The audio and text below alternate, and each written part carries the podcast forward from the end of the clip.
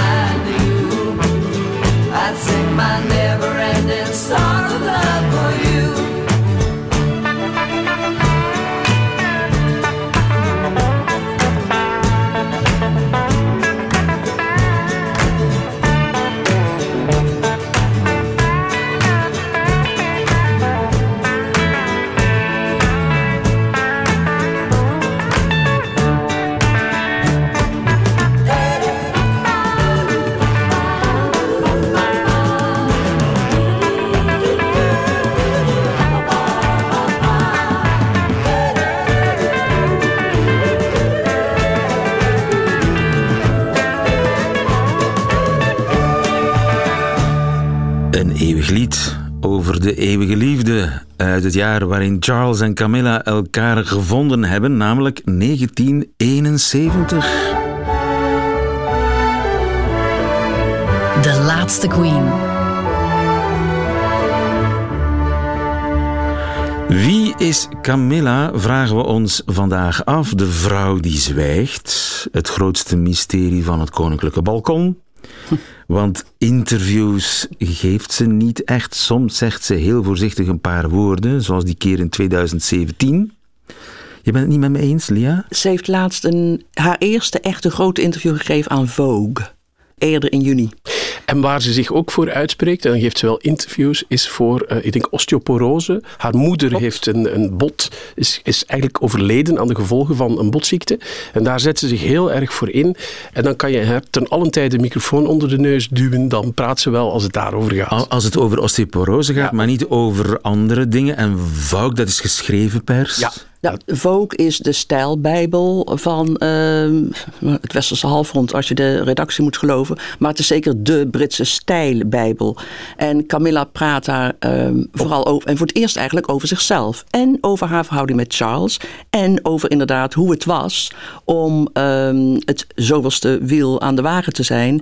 Tijdens dat huwelijk tussen Charles en Diana. Opmerkelijk dat Camilla in een stijlbijbel eh, een interview geeft. Maar goed, Gezien haar kapsel, dat toch dateert ergens uit de En, vroege ja, jaren alles. 70. en vooral ook omdat Vogue, en dat wordt echt gelezen door de Britse upper class en door iedereen die geïnteresseerd is in eh, mode eh, op alle gebieden eigenlijk, stijl vooral.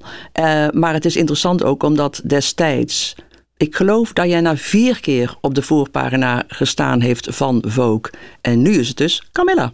Wat een interessante ontwikkeling is. Hou vast ook wat ze daar allemaal verteld heeft, want dat kunnen we zeker nog eh, nodig hebben. Nu in 2017, vlak voor kerstmis, als er een charity-event plaatsvindt in haar stadspaleis, vraagt een journalist haar of het niet een beetje druk is. Very busy ahead. We've got babies, we've got weddings, we've got a bit of everything. And then, of course, we've got my husband joining me in the 70s, which I'm very glad he's at last able to caught up with me. So that'll be the end of the year, but it's going to be full of excitements. Just like every other family, there's always things going There's on. There's always something going on. So fingers crossed that everything goes well for everybody. Are you ready for Christmas? No, I never am to the last No, like everybody else, there's a sort of last minute rush, and then, you know, you've got parties here and parties there, and keeping everybody happy. And no, I'm not ready. It comes round so quickly. The older you get, the quicker it comes round. You go, you get past Christmas, and, and next thing you know, it's Christmas again. And have you got a present for the prince? No. Is he difficult to buy? Not as yet, and he's impossible to buy for. No, no, I haven't. No, I haven't got round to that yet, but I will. Usually comes at the last minute. He's impossible, zegt ze over Charles. Het is wel een vrouw met humor. Ik, heb dit, ik wou dit laten horen om haar stem ook eens te laten horen, want die kennen we eigenlijk niet. En class, hè? Dat Ja, class. Oh ja. Maar als je vragen hebt waar ze vandaan komt en je hebt een beetje verstand van accenten in het Engels, dan hoor je in alles wat ze zegt en hoe ze spreekt en hoe ze de woorden uitspreekt waar ze vandaan komt. En eh, in welk nest is ze opgegroeid? Ze komt uit een zeer gelukkig nest van iets, een familie die zich niet eh, upper class zal noemen, maar zo noemen ze upper, upper middle class gaan ze zich noemen, of misschien wel upper class. Eh, eh, buiten Londen, een mooi huis, twee Deed haar vader. Want ze- haar vader was in het, leger, is in het leger geweest en is daarna in de wijn gegaan, is wijnhandelaar geworden. Hoge pief in het leger. Ze had een moeder ehm, die uit een adellijke familie kwam. Dus er zit wel een, een, een, een, draadje eh, edeldom ergens verstopt. Een heel mooi landhuis, eh, een broer en een zus. Een heel gelukkige jeugd en vooral... Gelukkige jeugd. Gelukkige jeugd. Dat is, eh, raar. gelukkige jeugd. En een perfecte, ehm, wat zal ik maar zeggen, een perfect meisje van die generatie. En ze is vorige, week, vorige maand 75 geworden. Ehm, meisjes uit die tijd gingen naar school waar ze goede manieren leerden en waar ze Frans leerden. En dat was het. Zij had echt zo'n soort in het Brighton-achtige jeugd. Op het Engelse platteland. En dat ze inderdaad zo'n goede jeugd had, verklaart denk ik ook mede waarom het zo'n stabiele vrouw is. En waarom het zo'n sterke vrouw is. Vooral als je het afzet tegen Diana bijvoorbeeld, hè, die veel meer reden had om neurotisch te zijn, wat ze was. Dan ehm, eh, is Camilla komt dan uit een, een heel ander soort nest. Wel hetzelfde milieu, maar een ander soort Ja, nest. vandaar ook dat gedoe met kerst en zo. is echt een moederkloek. Ja, dat is echt iets, iets waar zij in opleeft. Want het was ook in die tijd, zij was een vrouw, meisje, waar het volstrekt vanzelfsprekend was dat je niet ging studeren. Dat je ook geen enkele carrière ambieerde. Je moest geen vak kiezen. Het enige wat je moest doen is goede manieren. Je debuteerde op het bal. Bal van de koningin, precies. En het was een leven ook, hè, wat je zegt op het platteland. Dus veel dieren, veel paardrijden, ponyrijden, bedienden in huis, tuinmannen erbuiten. Dat soort bestaan. Dat zijn de dingen die haar heel erg dicht met, met eh, Charles binden. Is hun liefde voor paarden. En de queen, hè? En de queen en de jacht ook. Zij jaagt ook. En heel veel van die vrouwen uit, uit die generatie jagen niet of minder. Dat was iets wat hij niet met Diana deelde. Ook wat, iets wat Kate niet heeft. En dat is echt iets wat, eh, wat ze gemeenschappelijk hebben. Hoe moet ik mij de 24-jarige Camilla Shand, zoals ze toen heette, voorstellen? Was het een beauty? Het was een Ze heel... was een heel vlotte meid. Ja. Ze was heel sportief, sociaal fantastisch vaardig. Kende heel veel mensen. Goed gevoel voor humor. Leuke vrouw, aantrekkelijke vrouw. Niet beeldschoon, Wel sexy. maar wel sexy. Zeker wel. aantrekkelijk, zeker aantrekkelijk uit. Well endowed. Lees je hier en daar in de Engelse vakpers. Dat, be- Go- dat, goed mooi besteld. Ja, mooi gemaakt. Dat gaat, uh, uh, spreekt meestal over de borst. Goed gebouwd, Ter, ja. ter borsthoogte. Maar ze was heel sportief. Ze was niet bang. Ze had hele grote communicatievaardigheden. Ze kon heel goed luisteren. Ze kon heel interactie met anderen. Kon ze heel erg goed. Een heel vrolijk, opgewekt, ongecompliceerd meisje. In tegenstelling tot Prins Charles. En in tegenstelling tot Diana. Precies, maar je ziet meteen waarom iemand als Charles zich tot haar aangetrokken voelt. Hoe hebben ze elkaar ontmoet? Nou, de upper class is vrij klein in Groot-Brittannië, dus die kringen zijn klein. Je jaagt op elkaars, eh, eh, in Domeinen. elkaars ja, domeinen, achtertuinen. Eh, je komt elkaar tegen bij feesten van familie, van vrienden. Dus ze kenden elkaar eigenlijk al vrij vaag, maar heel lang. Was het liefde op het eerste gezicht? Hmm, wat denk jij, Jo? Nee, ik denk, ik was er niet bij, dus ik kan het niet zeggen. Maar er was in ieder geval een hele grote aantrekkingskracht. En het passionele aspect heeft altijd een heel grote rol gespeeld, wordt gezegd, tot nog vandaag de dag tussen die twee mensen. Dat ze in ieder geval heel fysiek en heel passioneel tot elkaar aangetrokken waren. Ja, maar het was een gedoemde affaire. Ik bedoel, een huwelijk zou er niet van komen. Eh, zij was niet geschikt voor de rol van koningin toen. Nee, dat vond in ieder geval Charles' eh, grootmoeder, de Queen Mum. De koningin moeder, die vond eh, dat van niet. Die had andere ideeën. Eh, de Queen Mother had ehm, vriendinnen eh, die ook eh, voor haar werkten, aan het hof actief waren. En die hadden familie en kleindochters waarvan de koningin moeder vond dat ze veel en veel geschikter waren. Omdat ze uit een tikje, bet- een tikje beter milieu kwamen om te gaan trouwen met eh, prins Charles. Ze was te Dus die laag stookte, geboren. die stookte voortdurend Oh ja. voor, een beet, voor een huwelijk, voor een huwelijk. Maar Charles had toch zijn hart verpand aan die Camilla Parker Bowles. Ja, plus dat er Maar ging natuurlijk toen weg hè, in het leger, eh, ging die acht Ja. maanden eh, varen. Ze hadden, nog, ze hadden wel een verhouding, een beetje aan-uit, aan-uit. Hoe serieus, mm, vrij onduidelijk. Maar Charles ging weg en na acht maanden kwam hij terug en was er verloofd met iemand anders. Ja? Oh. Waarom deed ze dat? Ze had, de man met wie ze uiteindelijk getrouwd is, Andrew Parker Bowles, was, eh, zat ook in het leger. Was een heel aantrekkelijke, eh, mooie, sportieve man. In het regiment van Charles. Hè, van Ja, Charles. waar die nog een, een kleine affaire met prinses Anne gehad heeft. Een heel eh, gewilde man, waar ze ook wel verliefd op is geweest en die ze wel graag had. Maar ehm, hij koos uiteindelijk niet voor haar. En toen hebben de vader en de broer van Camilla een gemene truc uitgehaald. Toen hebben ze in de Times hebben ze een verlovingsaankondiging gepubliceerd van Camilla en Andrew Parker Bowles. En Andrew stond met zijn rug tegen de muur en kon niet anders dan haar Hij te huwelijk- trouwen. eh, te Is dat Britse humor?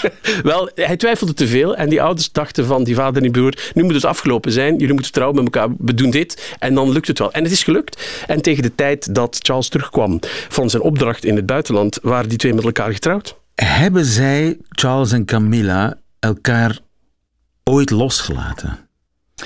Ik denk het niet. Ik bedoel, loslaten fysiek wellicht, ik denk het wel, gedurende eh, een aantal jaren. Maar mentaal mm, lijkt me moeilijk. Ook omdat, nogmaals, die upperclass is vrij klein en je komt elkaar tegen. En zo niet, dan hoor je voortdurend van elkaar via, via, via, via. De truc die ze dan gebruikt hebben, wat, wat toch heel handig is geweest, is dat ze gewoon geschakeld hebben met elkaar, Charles en Camilla, naar gewoon best friend modus. En eh, dat, dat seksuele of dat passionele of dat relationele is een hele tijd uitgehaald. Maar ze wisten zoveel van elkaar, ze leken zo op elkaar. Eh, dat ze die beste vrienden, die, dagelijkse, bijna dagelijkse gesprekken aan de telefoon, ze kenden elkaar zo goed. Camilla heeft ook, eh, ik zal maar zeggen, bijna Diana naar het altaar begeleid met eh, gesprekken, informatie, inlichting. Camilla wou er ook bij aanwezig zijn om het zo goed mogelijk te sturen en om de beste kandidaten in de beste omstandigheden voor Charles af te leveren. Het is grandioos mislukt, maar Nou, ze heeft het gemanipuleerd. Ze, eh, ze had er zeker wel bijbedoelingen bij. Camilla was erbij gebaat dat Charles zou trouwen met iemand die Camilla aankon. Eh, eh, dat is ook een van de redenen geweest waarom eh, Diana Camilla altijd gewantrouwd heeft. Een van de eerste vragen die Camilla stelde aan Diana was: Jaag jij? Want Camilla wist dat op Highgrove, het buitengebeuren van prins Charles, dat dat het centrum was van heel veel jachtpartijen. En ze wist ook dat Diana niet zou jagen, maar ze wilde het zeker weten. Met andere woorden, Diana jaagt niet, Camilla wel. Dus Camilla en Charles zouden dan elkaar regelmatig kunnen zien tijdens het jachtseizoen en op, op, op Highgrove. Maar dus nu zeg je dat de keuze voor Diana eigenlijk ook een beetje de keuze van Camilla was. Zeker is, die heeft het gemanipuleerd. Ja. Want op dat moment, ja, je zegt best friends. Ik kan daar het mijne van denken. Ze waren best friends, ze hadden eigenlijk een affaire. Kijk, ik denk, want je hebt het nu over vreemd gaan. Wij zien dat waarschijnlijk als iets wat je niet doet, als iets wat zondig is, als een verraad zelfs aan de partner. Zo werkt dat niet in, die, in, in dat milieu, in die upper class in Groot-Brittannië.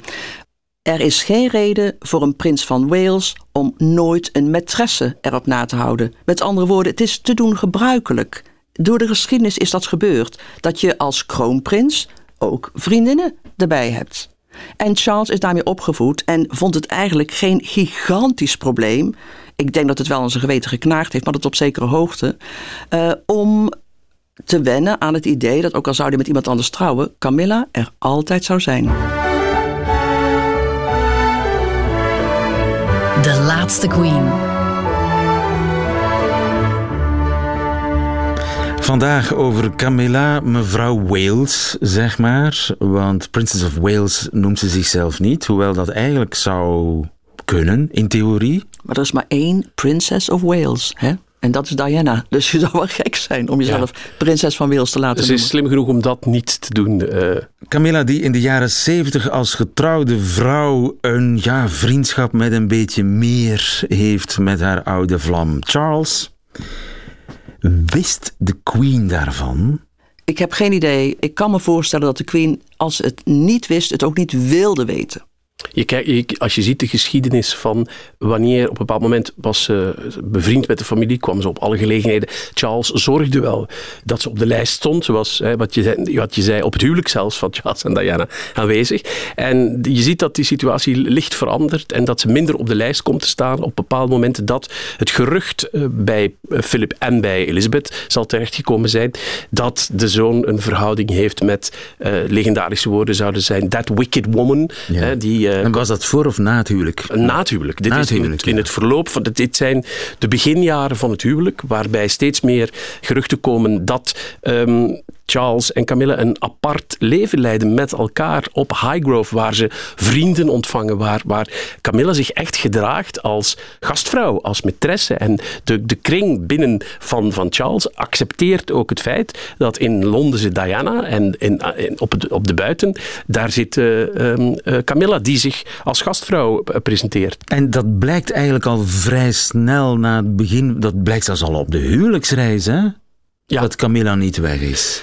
Ja, het, het, het hele tragische was eh, op die huwelijksreis van eh, Charles en Diana dat dus ze zaten aan boord van de Britannia, van dat schip, ehm, waar eh, honderden mensen, vooral mannelijk, per- Mannen. mannelijk personeel was. 200 mannen. 200 mannen. En Op iedereen, iedereen wilde wel iets met Diana, behalve Charles, die ermee getrouwd was en die op huwelijksreis was. Precies, en dat was de tragedie. En het onbegrijpelijke ook voor de Britten. Het hele land was verliefd op Ja. Diana, op één man na. En dat was de man met wie ze getrouwd was. Enig idee hoe dat komt? Dat hij niet op haar verliefd was. Ja. Ehm, ze, was totaal niet zijn type vrouw. Ik bedoel, hij zag wel dat het een mooie vrouw was. Maar eh, in de eerste plaats denk ik dat de plaats in zijn hart op dat moment nog redelijk ingenomen was door eh, die andere vrouw. Maar ze konden niet, eh, Charles en Diana konden niet meer verschillend zijn qua type, qua belangstelling, qua wat ze lazen.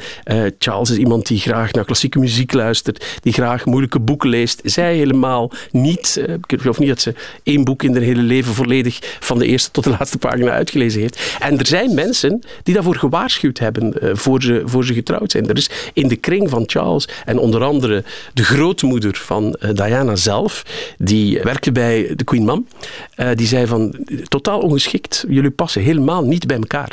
Maar dat, da- daar wilden ze niet naar luisteren. Maar het is inderdaad, ehm, eh, wat je zegt, joh, dat vind ik ook zo mooi. De, notie dat Charles vrij bevlogen is en toch behoefte heeft aan intellectuele eh, stimulans. Die graag vist, bijvoorbeeld. En daar tegenover staat dan, en hij is 32 als hij met eh, eh, Diana trouwt. En daar tegenover staat dan de 21, 22-jarige Diana die. eh, uit het paleis van Kensington rolschaatst met Duran Duran op de oordoppen. Op een gegeven moment komt het tot een confrontatie tussen Diana en Camilla. Op een verjaardagsfeest. Ja, het is op een feest waar, ze, eh, waar eigenlijk ehm, Diana uitbarst naar Ca- Camilla toe en zegt van waarom, hou nu eens op, waarom stop je, laat mijn man met rust. Dat En, is, ja, en dan zou Camilla gezegd hebben, volgens Diana, hè, volgens die dagboeken. ehm, jij hebt alles. Jij hebt, wat wil je nog meer? Iedereen is verliefd op jou. Eh, jij kan geen kwaad doen in de pers. Ik bedoel, wa- wat wil je nog meer? En dan zegt Diana, ik wil mijn man. En doe niet alsof ik, behandel me niet als een idioot. Ik weet wat er, eh, wat er gebeurt. Eh, ik ben niet stom, ik ben niet achterlijk. En daarvoor heeft Diana dan later aan Camilla de excuses aangeboden. Maar weet je, wat denk jij, joh? Denk je dat Charles en Diana het echt geprobeerd hebben, vooral Charles, om iets van het huwelijk te maken? Denk het niet. Ik denk niet dat. Ik denk dat er in het begin gevoelens van, van eh, vriendschap en, en een beetje aantrekking zijn geweest. Maar ik denk dat, dat Charles legendarisch is de grap die hij zelf maakte van je denkt toch niet dat ik de eerste Prince of Wales zal zijn die geen maîtresse heeft. Dat is een grap die hij vaak publiekelijk maakte. Eh, dat hij echt in zijn hoofd zoiets had van dat is mijn vrouw, zij zal kinderen op de wereld zetten en voor de rest gaan we gescheiden levens leiden zoals hij dat ook kende uit zijn voorouders. Behalve zijn eigen ouders is het eigenlijk bij alle andere Windsors is het op die manier gegaan. Dus dat kende hij heel erg goed. Maar ik ben het niet met je eens. Want ik denk dat hij het wel geprobeerd heeft. Alleen al omdat hij A, het voorbeeld had van zijn ouders. Dat was toch ook een goed huwelijk. En op de tweede plaats denk ik dat het toch iemand is met een geweten. En met ook een plichtsbesef. En dat hij vond dat hij het ehm, verplicht was aan de natie, de onderdanen en zijn familie. Om toch van het huwelijk een succes te maken. Ik denk echt dat hij het geprobeerd heeft. Maar Hij heeft het geprobeerd met het beeld van wat hij van Diana had. Hij heeft het niet geprobeerd met wie ze uiteindelijk bleek te zijn. Dat is hem zeer zwaar tegengevallen. dat vind ik een hele mooie conclusie. Hij dacht, Diana is gewoon een dienstbaar, leuk, fris, happy-go-lucky, jong, ja, beetje simpel. hij had inderdaad nooit verwacht dat Diana, die heeft er ook tien jaar over gedaan, zich zo zou ontpoppen als ze zich ontwikkelde. Hij verwachtte niet dat ze Andrew Morton onder de arm zou nemen om stiekem een boek te schrijven. zeker Absoluut niet. niet. En ja, dat boek dat hangt de hele vuile was buiten. Eh, daarna komt Camilla Gates. Begin 93 heeft een krant bandjes van afgeluisterde telefoongesprekken tussen Charles en Camilla. De tapes zijn enkele jaren ervoor gemaakt, eind jaren 80 denk ik. 89. En eh, Camilla zegt, eh, zondagavond zonder jou, dat kan ik niet aan. A Sunday night without you. It's like that program Stop a week. I can't start the week without you. Het is zoals dat programma Start the Week. I can't start the week without you. Ja, of Laat nu niet een horen wat hij zegt. Nee, dat ga ik niet horen. Dat, dat laat ik niet horen. Dat, dat, want dat is. Vertel het maar. Hij zegt dat hij seks wil met haar, hoe belangrijk dat is voor hem. En dat hij zegt zoiets van eh, dat ik jouw tampon wil zijn. Juist, ja. En dat heeft de Britse pers niet gepubliceerd. Maar de Australische had er veel minder moeite mee. Ja, de prins werd in de Italiaanse kranten Il Tampocino genoemd. Il Tampocino. Hoe dan ook, eh, dit stond niet in het scenario. Dit was nog nooit gebeurd, hè? Tampocino. Nee, Nu, het, het is al erg genoeg voor eh, Charles en voor Diana dat hun eh, huwelijksperikelen op een spectaculaire manier in de krant komen. Haar verhaal daarbij komt nooit of zelden in de krant. Zij is gewoon. Camilla bedoel ja, je? Mhm. Camilla is gewoon ja, de, de Wicked Witch. Precies. Ja, niet voor haar omgeving en niet voor haar familie en niet voor haar kinderen op dat moment. Maar dat is een kleine minderheid, hè? Ja, dat is, een klein, dat is bevolking. bijna niemand. Pro- Procentueel is bijna niemand dan. Precies. Maar in de pers krijgt zij er nog het hardst van al Tuurlijk. te verduren. Tuurlijk. Zij is de schuldige. Ja, zij is de echte wordt- breekster. En dat wordt alleen maar erger als Diana in 1995 dat interview, het interview, geeft aan de BBC. Waarin ze echt van wal steekt en waarin ze echt alles bevestigt wat ze eerder in dat boek eh, heeft laten schrijven door Andrew Morton, waar je het net over had, gebaseerd op haar aantekeningen, dagboeken. Ehm, en dan zegt ze vreselijke dingen en bevestigt ze, wat Camilla betreft, bevestigt ze dat Camilla degene was, eh, de reden was waarop het huwelijk tussen haar en Charles strandde. Ja, dat sprookjeshuwelijk, dat de monarchie weer populair had gemaakt, waar de hele wereld in geloofde, dat was door haar aan flarden geschoten. Mensen bekogelden haar met brood in de supermarkt. Schijnt. Ja, Ja, dat gezegd, wat, wat wel zo is, en dat kan ik wel voorstellen, is dat ze die dagen, die weken, die maanden weinig buiten kwamen. Ja, dat ze mensen ja. had die de boodschappen deden en aan de deur weer kwamen afdroppen. Maar ehm, niet zelf het, het openbare leven in, want haar gezicht was natuurlijk heel bekend. Was overal in alle kranten verschenen. En je kan geen kant op, niet alleen in Engeland, maar de wereld niet. Dus Maar- is de facto huisarrest eigenlijk. Precies, en daar praat ze ook voor het eerst over in dat interview waar we het net over hadden, in Vogue. En dan zegt zegt ze daarover? dat het een hele moeilijke periode is geweest. Maar zegt ze, en dat vind ik ook vrij typerend voor Camilla nu, voor zover we haar kennen, dat ze er doorheen moest. Dat ze geen keuze had. En dat ze, ehm, er, dat ze moest leren om daarboven te staan. Boven het feit, zegt ze, dat iedereen voortdurend kritiek op haar had. En dat ze altijd negatief bejegend werd. Maar ja, you have to rise above it. Ja, maar er zijn, er, zegt. zijn, er zijn toch weinig mensen die zo doelwit zijn geweest, jarenlang door de populaire pers. Vreselijk. Niemand steunde haar. Vreselijk. Nee, en jaren later hebben ze mm, via allerlei eh, PR-kanalen eh, zachtjes aan weer haar reputatie opgebouwd. Maar dat heeft jaren geduurd. Ze werd door iedereen... feit dat ze in 2015 in het huwelijk getreden is met die man en dat, er spra- dat ze koningin Camilla gaat worden... 15 jaar geleden was het on, ondenk. Mensen hadden je uitgelachen als je dat ooit gezegd had. Ja. Want het erger is dan dat Charles al na de scheiding hè, wil, 95, 96 is die scheiding officieel, als ik me Ja. goed herinner. Dan wil Charles al dat bekend wordt dat zijn verhouding met Camilla officieel wordt. Hij wil daar iets mee. En hij probeert dan al haar ja, te realiseren. Dat was om haar te beschermen. En dan, en dan, precies, dat was om haar te beschermen. Over Camilla, dat maakt hij heel, veel, heel vaak duidelijk aan zijn moeder en aan iedereen die het wilde horen binnen eh, eh, die paleiskringen. aan Camilla valt niet te tornen. Zij is een onderdeel van mijn leven, zegt hij dan. Daarover onderhandel ik niet.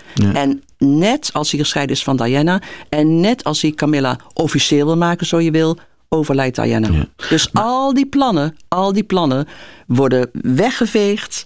Daar kan niks meer mee gedaan worden. En Camilla moet opnieuw onderduiken. Ja, staat weer alleen. Ze moet ontzettend stevig in haar schoenen staan. Dat moet een hele sterke vrouw zijn. Want als je dat aan kunt en niet suicidaal wordt Ja. of in de psychiatrie belandt.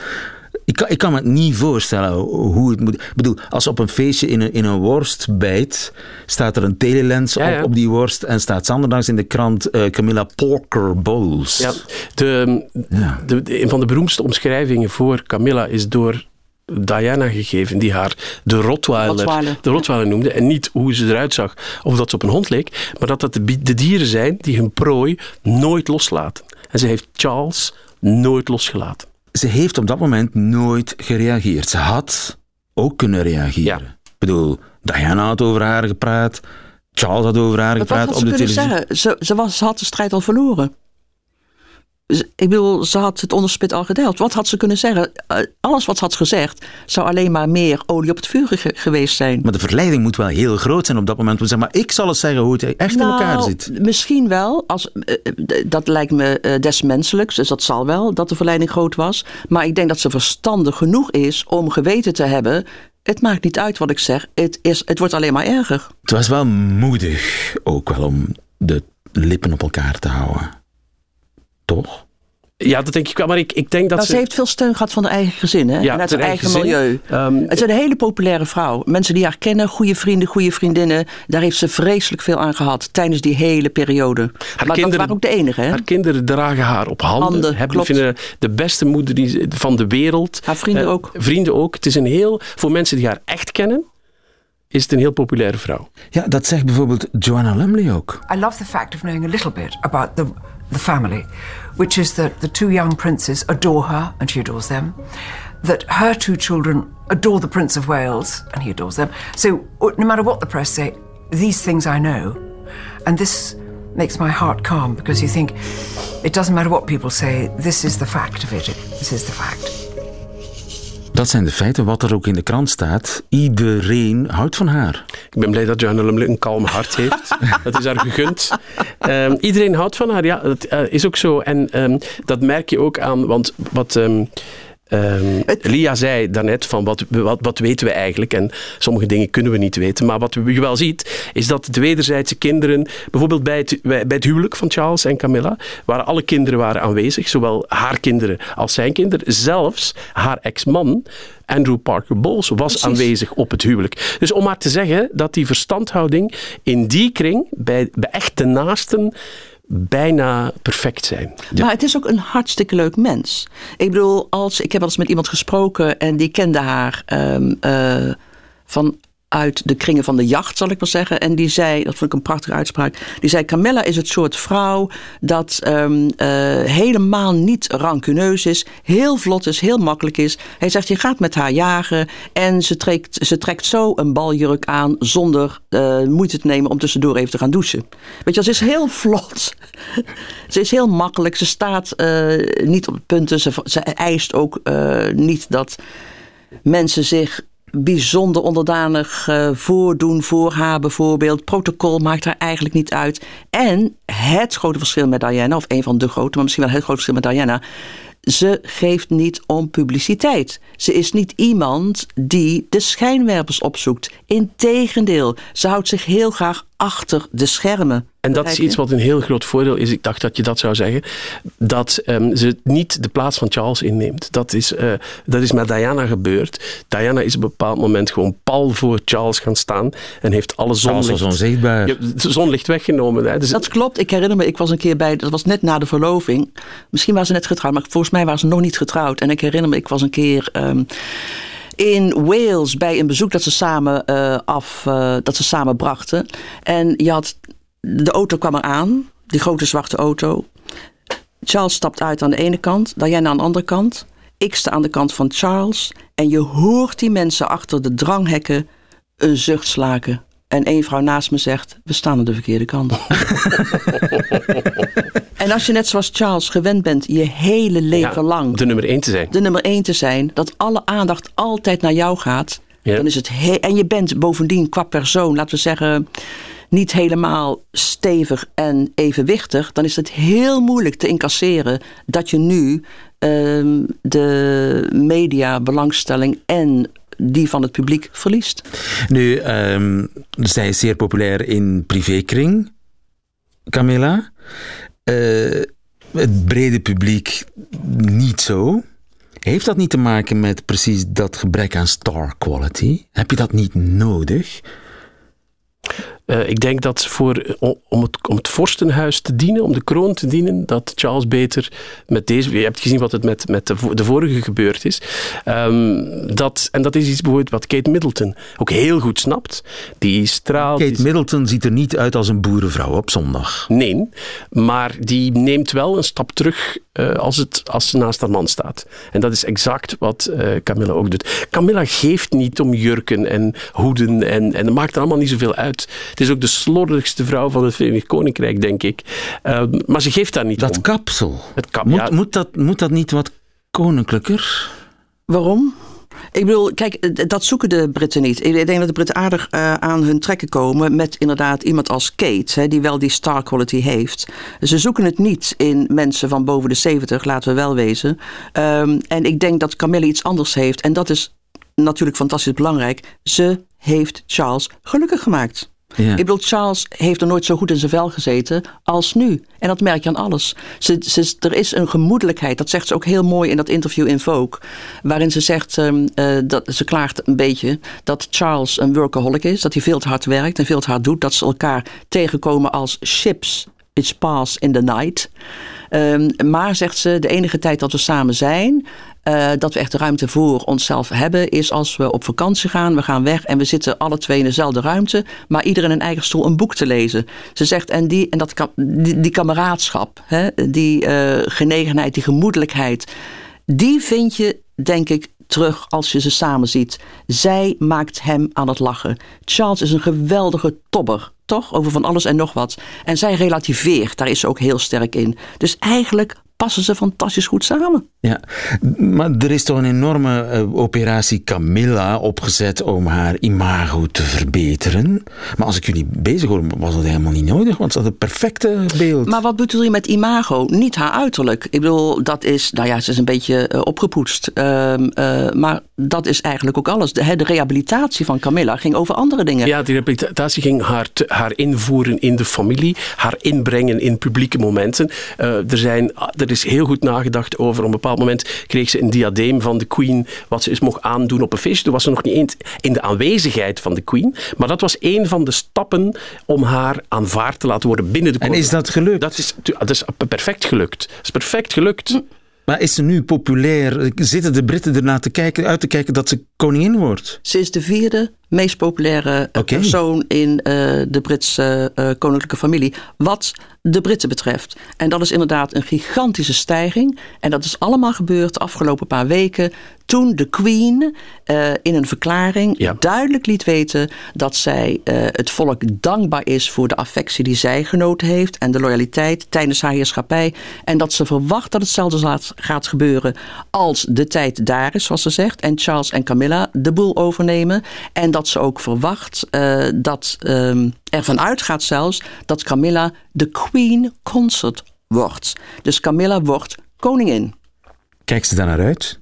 Camilla waarschijnlijk niet. Maar de Nee? Britten. Nee, dat denk eh, ik Camilla niet. kan het niet schelen. Ik de- Eh, kan haar, helemaal, status kan haar niet schelen. Ze is zo'n vrouw niet. Maar veel belangrijker. Ik denk is, dat ze het vreselijk vindt. Ik denk dat ze elke, Nou, elke, nou, elke lieve, avond op haar knietjes bidt Nou, dat het nog lang mag duren. Ze heeft een, hè, de, de generale repetitie heeft jaren geduurd. Er is inmiddels wel aan gewend. Ze weet wat er van haar verwacht wordt. Dat is niet meer zo vreemd voor haar. Maar belangrijker is, hebben de Britten het geaccepteerd? En ik denk het wel. Ik denk nu dat sinds de Queen dus heeft duidelijk gemaakt... wat mij betreft wordt zij koningin. De Britten zeggen, ja oké, prima, doe maar. De laatste queen. Zit ze niet nog steeds in een soort PR-oorlog met Diana? Camilla? Het is een hele moeilijke, het is een, een hele moeilijke positie waar ze nooit, die ze nooit zal winnen. Omdat Diana is er niet meer. Diana is jong gestorven. Diana is de biologische moeder van de twee leukste prinsen. Speelt dat geen rol in de manier waarop ze als koningin Ja, ze zal Queen Ja. dan zal worden dat beeld, eh, dat lelijke beeld dat nu in Kensington Gardens staat, het beeld van Diana, daar kan ze nooit overheen, dat kan ze nooit kapot krijgen. En er zijn altijd, er zullen altijd wel weer series, films, verjaardagen, herdenkingen, wat het ook is, Diana blijft terugkomen. Maar tegelijkertijd het grote verschil met zelfs een paar maanden geleden in de manier waarop het volk Diana beleeft en nu is dat de Queen haar zegen gegeven heeft aan Camilla als de volgende Queen. En ik denk dat dat ontzettend veel uitmaakt en bijna een streep in het zand betekent voor hoe de Britten Diana beleven. Want ze zien nu niet langer Camilla hè, als degene die Diana bedreigde. En degene aan wie het lag dat natuurlijk op de klippen liep. En zelfs Diana tot de dood veroordeelde. Krijgen we een nieuwe en een andere Camilla te zien eenmaal Charles op de troon zit? Dat denk ik niet. Ik ook niet. Hetzelfde kapsel? Ja. Ja, wat heb je toch met dat kapsel? Ja. Lieve. Ik vind het zo jaren, Jaloers. jaren zeven, ja ook wel. Maar zo is maar zo jaren zeventig gedateerd. Maar er zijn heel veel, je, vergis je niet, en ik woon er niet, maar ik kijk nu naar de dame aan de overkant Er van de zijn veel dat soort kapsels. Nee, er zijn heel veel van dat soort dames in, in het Verenigd Koninkrijk. Er Maar zijn- ik toch- Nee, jij niet, maar jij woont daar. Ik wel even gezegd, hè? Nee, maar jij woont daar toch? Die, die dames bestaan toch? Zo dat helemaal gelijk. Middle England eh, dame. Absoluut. Plattelandsvrouw. Die die er allemaal zo uitzien. Heeft zij iets in de pap te brokken? Je bedoelt... Was, Als je die uitdrukking begrijpt. Dat is een Vlaamse Ja, uitdrukking, neem ik aan. Plapspo- eh, in de, in In de pap- papbrok, ja. Zeker, dat is ook een Nederlandse Oké. uitdrukking. Maar Heeft ze eh, iets te zeggen? je bedoel, wa- wat bedoel je? Staathuishoudkundig? Ik denk het niet. In de verhouding met Charles tot op zekere hoogte. Maar ik denk dat ze op de eerste plaats steun en toeverlaat is. En zo ziet ze haar rol ook. Ze is niet dominant. En bovendien, dat vind ik ook zo interessant, ze heeft haar eigen leven. Kijk, ze zit niet voortdurend alleen maar in Londen, in dat paleis met hem, of in Highgrove op zijn buitengebeuren. Ze heeft daarnaast een 20 minuten met de auto huis. haar eigen huis. En daar zit ze heel veel. Met haar kinderen, met haar kleinkinderen, met de honden. Geloof het maar. Ja, en het is zo'n zo'n echt landelijke eh, vrouw, Britse vrouw uit de vorige eeuw, die perfect gelukkig eh, is met de feestdagen, met een beetje organiseren in huis, met een, een, een tijdschrift lezen. En de kleinkinderen. En de kleinkinderen en een sigaretje roken. En dan is ze gelukkig. Stiekem sigaret roken. Ja. Klopt. En bovendien, niet alleen dat, maar ze heeft ook inderdaad echt, en dat is zo interessant, dat hebben de Britten ook zien ontwikkelen, ehm, eh, gezien hoe zij zich daarin ontwikkeld heeft. Ze heeft ook goede doelen waar ze fantastisch in geïnteresseerd is. En dat is belangrijk geweest, hoe oprecht ze is, niet alleen osteoporose, maar ook ehm, eh, slachtoffers van eh, huiselijk geweld. Daar zet ze zich geweldig voor in. Ze heeft nu een eigen boekenclub online die ze doet, waarin ze boeken recenseert Perfect, wil, de en perfecte bespreekt. queen eigenlijk. Maar een perfecte queen, Ja. je zegt het al. We zullen zien. Dankjewel Lia van Beckhoven, dankjewel Jo de Poorter. Volgende week in de laatste Queen ligt Prins Harry op de rooster. Jullie zijn er ook weer bij, hoop ik. Graag. Zeer zeker.